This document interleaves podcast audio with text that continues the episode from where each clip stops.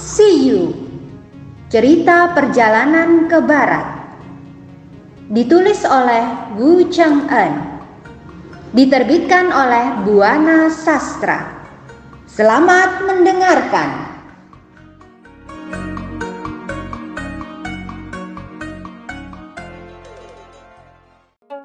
Bab 41 Sun Wukong minta pil ajaib pada Dewa Laozi Manjusri membantu Sun Wukong menangkap siluman. Mendengar hasutan Baji, Tang Sanzang langsung membacakan jampinya. Sun Wukong merasakan kepalanya sakit luar biasa. Dia bergulingan sambil ber berteriak-teriak bagai orang kesurupan. Oh hentikan, tolong hentikan guru, teriak Wukong. Namun, Tang Sanzang tidak menghiraukan teriakan Sun Wukong itu. Hentikan guru, baiklah, Aku coba untuk menghidupkan kembali raja itu, kata Wukong. Mendengar janji Wukong, dengan cepat Tang Sanzang menghentikan jampinya. Bagaimana cara menolongnya? Tanya Tang Sanzang. Tak ada cara lain, kecuali harus kau temui Raja Neraka, kata Baji menghasut. Ketika itu ia bilang bantuan Raja Neraka pun dia punya cara untuk hidupkan orang mati Tang Sanjang yang mudah dihasut segera membacakan jampinya kembali. Dalam sekejap, Sun Wukong kembali berguling-guling karena kesakitan. Tolong guru, hentikan. Baiklah, aku coba menghidupkan raja, dia kata si babi, kata Wukong. Tang Sanjang menghentikan jampinya. Lihat gurunya berhenti membaca jampinya, Zu Baji yang dengki segera menghasutnya kembali. Jangan hentikan guru, jika dia tidak diajar adat, pasti dia akan kurang ajar. Dia tentu akan main gila, kata Baji. Hai binatang jahat, awas kau, ancam Wukong kepada si babi. Baji tampak gembira, ia merasa puas sudah bisa membalas sakit hatinya. Rasakan sekarang, kira cuma kau saja yang bisa mempermainkan orang. Aku juga bisa, kata Baji. Guru hentikan, aku coba menghidupkan raja. Bagaimana cara menolongnya? Tanya Tang Sanzang. Aku akan pergi ke pintu langit selatan, kemudian ke Sanchi Santian atau langit lapis ke-33 untuk menemui Dewa Laozi. Aku akan meminta sebuah pil ajaib dari beliau. Aku percaya dengan memakan pil itu, Raja akan hidup kembali. Tapi karena sekarang sudah jam 3, kemungkinan aku kembali ketika hari sudah fajar. Jadi, jika mayat raja dibiarkan tergeletak begitu, sungguh kasihan. Lalu harus kuapakan mayat ini? Tanya Sanzang. Wukong yang kesal pada Baji mulai menjalankan siasatnya untuk membalas dendam. Sebaiknya, mayat itu dipindahkan saja, lalu suruh seseorang untuk menemui, menemani dan menangisinya. Maksudnya, apabila rohnya kembali ke dalam raganya, dia akan merasa puas melihat ada yang berduka, kata Wukong. Oh begitu, pesan Zhang. Lalu siapa yang harus menangisinya? Rasanya tak usah dicari atau disebut pun, aku tahu siapa yang dimaksud oleh kakak. Pasti dia menginginkan aku menemani sambil menangis, kata Baji. Tapi aku pun masih khawatir. Jika kau hanya berpura-pura menangis, aku tak yakin mencarikan obatnya, Wukong. Yang khawatir kakak, kalau hanya sekedar menemani sambil menangis, aku bisa. Terbaji. Tapi menangis itu macam-macam. Ada tangis yang tenang keluar suara yang saja. Ada pula tangis sedih sampai keluar air matanya. Sekarang aku menginginkan kedua-duanya dijadikan satu. Karena itu, kau harus menangis sampai tenggorokanmu kering. Baru tangis yang dibutuhkan, kata Wukong. Baiklah, akan kucoba, kata Baji. Sekarang coba kau beri contoh, Wukong. Tak lama, si babi telah mengambil kertas dan api. Kemudian ia mengorek kedua lubang hidungnya dan menangis menggerung-gerung bagai orang yang benar-benar ditinggal mati. Mendengar tangisan Baji, Tang Sanzang dan Xiao Wujing pun ikut bersedih. Menyaksikan tingkah si babi itu, Wukong dia tertawa-tawa.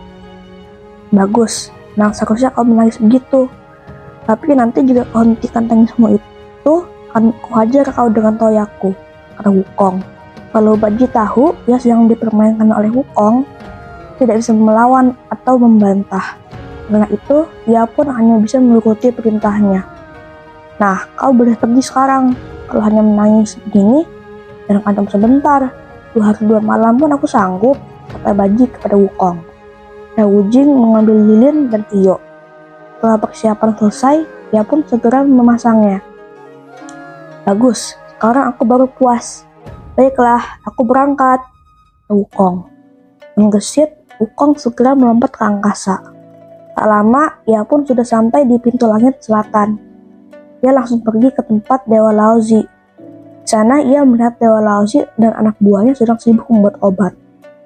Ketika Laozi melihat kedatangan Wukong, ia segera memberi perintah kepada anak buahnya supaya waspada.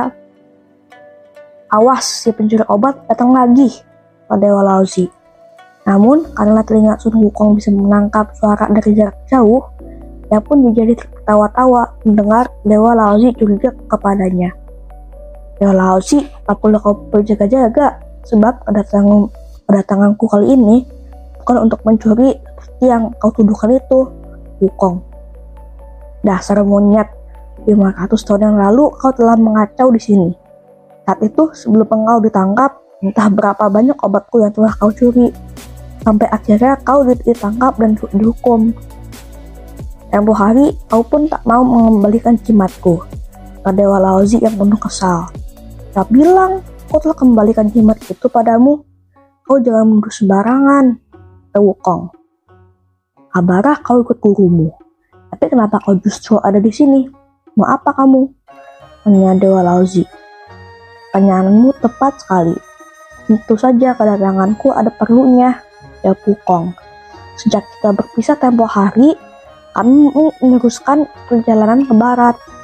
Akhirnya rombongan kami sampai di, di negeri Wuji. Di tempat ini ternyata telah terjadi peristiwa menyedihkan. Raja negeri Wuji telah dibunuh oleh siluman. Sekarang siluman itu malah merampas anak dan istri, istri raja. Kemudian berkuasa di, di negeri Wuji. Suatu malam, roh raja menemui guruku meminta tolong agar sakit hatinya dibalaskan. Tadi malam aku dan Baji telah mengambil mayat raja dari dalam sumur karena kukuku menginginkan raja hidup dihidupkan kembali, beliau meminta bantuanku. Dia menyuruhku mencarikan obat. Karena itu, aku terpaksa menemuimu untuk meminta seribu pil sembilan kehidupan. Wukong, eh kurang ajar. Untuk apa pil sebanyak itu? Kau kira pil buatanku itu seperti nasi yang boleh dimakan susu kamu? Lagi pula, bagaimana mungkin aku bisa membuat obat sebanyak itu?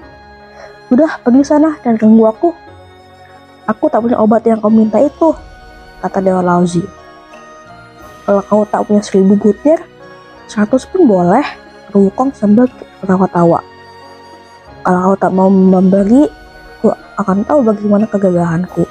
Jika kau memberikannya kepada kau beramal, tapi jika tidak akan merasakan akibatnya.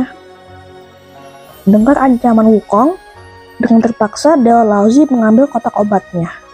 Tapi ia berpura-pura susah menuangkan isinya. Ternyata obat yang keluar hanya sebutir, pil ajaib. Lalu pil itu diserahkan kepada Wukong. Nah, terimalah, aku cuma punya sebuah, kata Dewa Laozi. Asal kau tahu, walau hanya sebuah pil, kau tetap bisa menghidupkan raja itu. Tunggu dulu, suruh Wukong. Obat ini harus kuji terlebih dulu kampuannya, sebab aku ingin tahu obat ini asli atau palsu. Terus terang, aku tak mau dibohongi. Kemudian dengan cepat dia memasukkan pil itu ke dalam mulutnya. Hal itu, Dewa Lauzi kaget pun main. Eh, hati-hati kau. Jika obat itu ketelan, kau akan kuhajar, kata Dewa Lauzi. Sementara Dewa Lauzi tampak kesal menyaksikan tingkahnya, dia malah tertawa-tawa Sabar, marah dulu. Siapa yang mau menelan obatmu? Aku hanya menyimpan di dalam mulutku, kata Wukong. Yang benar, si kera tidak menelan obat itu. Dia hanya menyimpan di kulit pipinya. Sudah, Lekas kau pergi dari sini, usir Dewa Laozi. Setelah mengucapkan terima kasih, akhirnya Wukong meninggalkan tempat Dewa Laozi sambil tertawa. Dengan cepat, Wukong kembali ke kuil kayu kerajaan. Tak berapa lama, ia pun sampai. Ke angkasa, Sun Wukong melihat Baji masih menunggu monyet raja sambil menangis. Guru, aku datang, kata Wukong.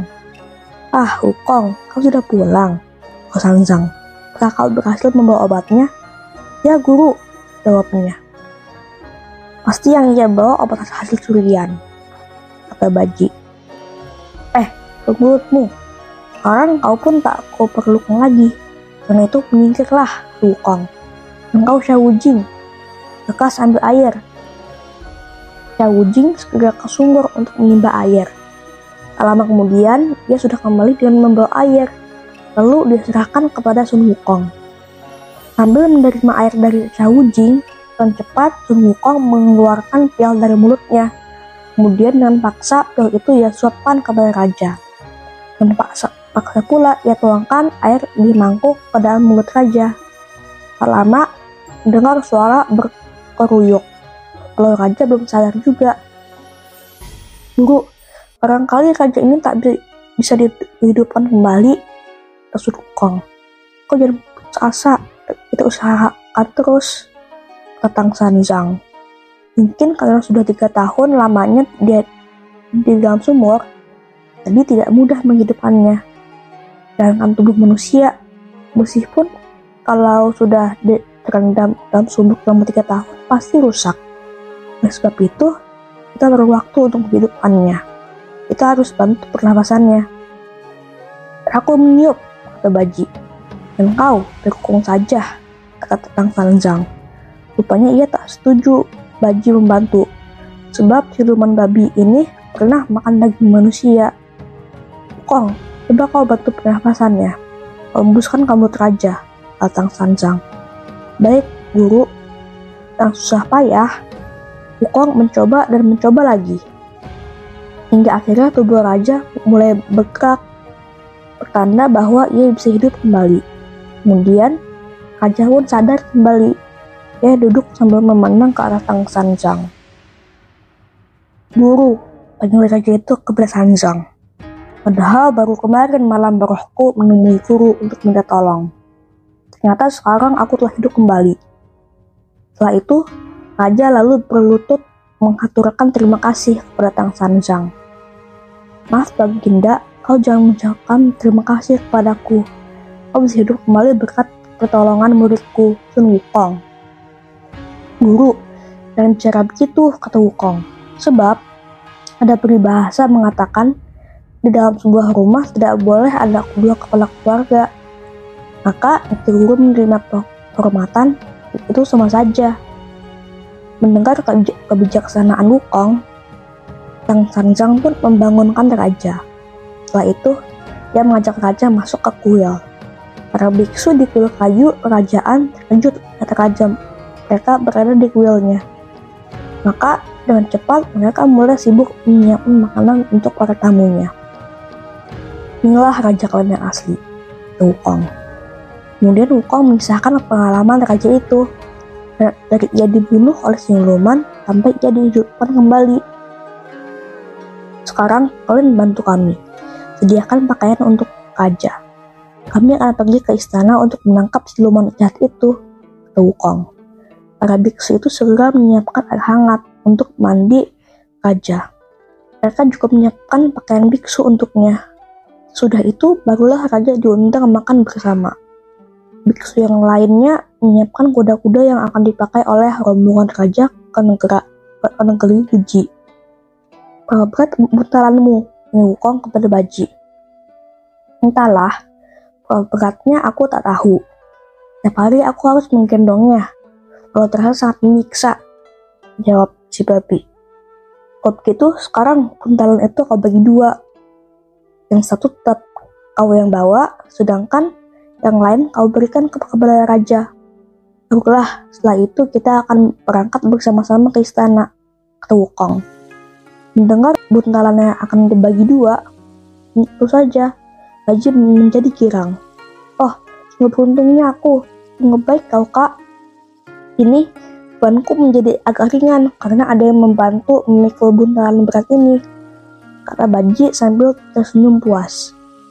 Dengan perasaan gembira, Baji membagi buntalan itu menjadi dua bagian. Kepikir licik, Baji mengisi buntalan yang satu lebih banyak dan lebih berat daripada yang lainnya.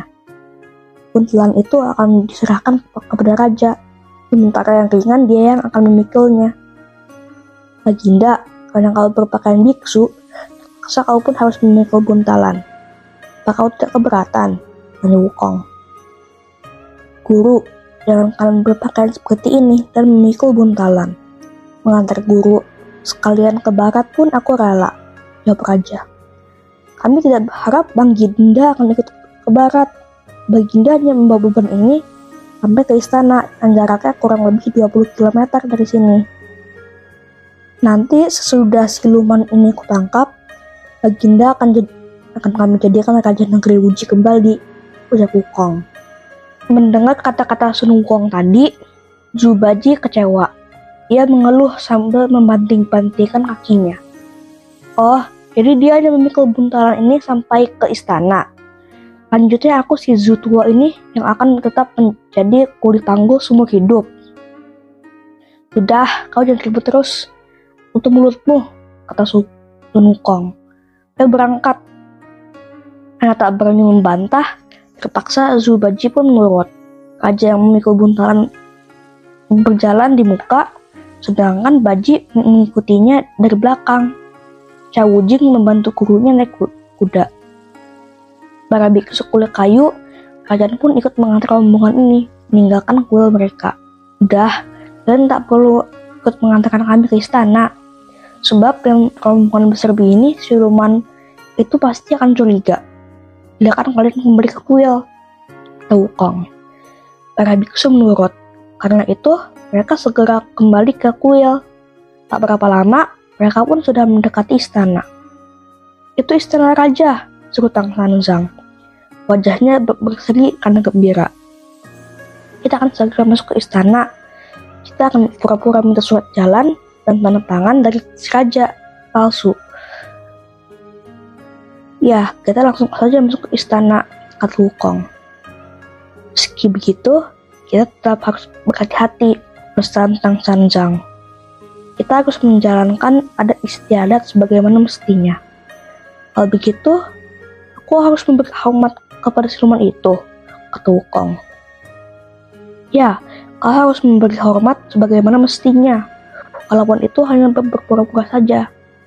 Tidak, aku tidak mau, kata Wukong. Kalau kau tidak mau, pasti siluman ini itu akan curiga. Jadi kau akan bertindak bagaimana? Tanya Tang Sanjang. Biar aku yang akan maju terlebih dahulu. Lihat saja, apa pun akan kulakukan terhadap siluman itu. Jawab Wukong.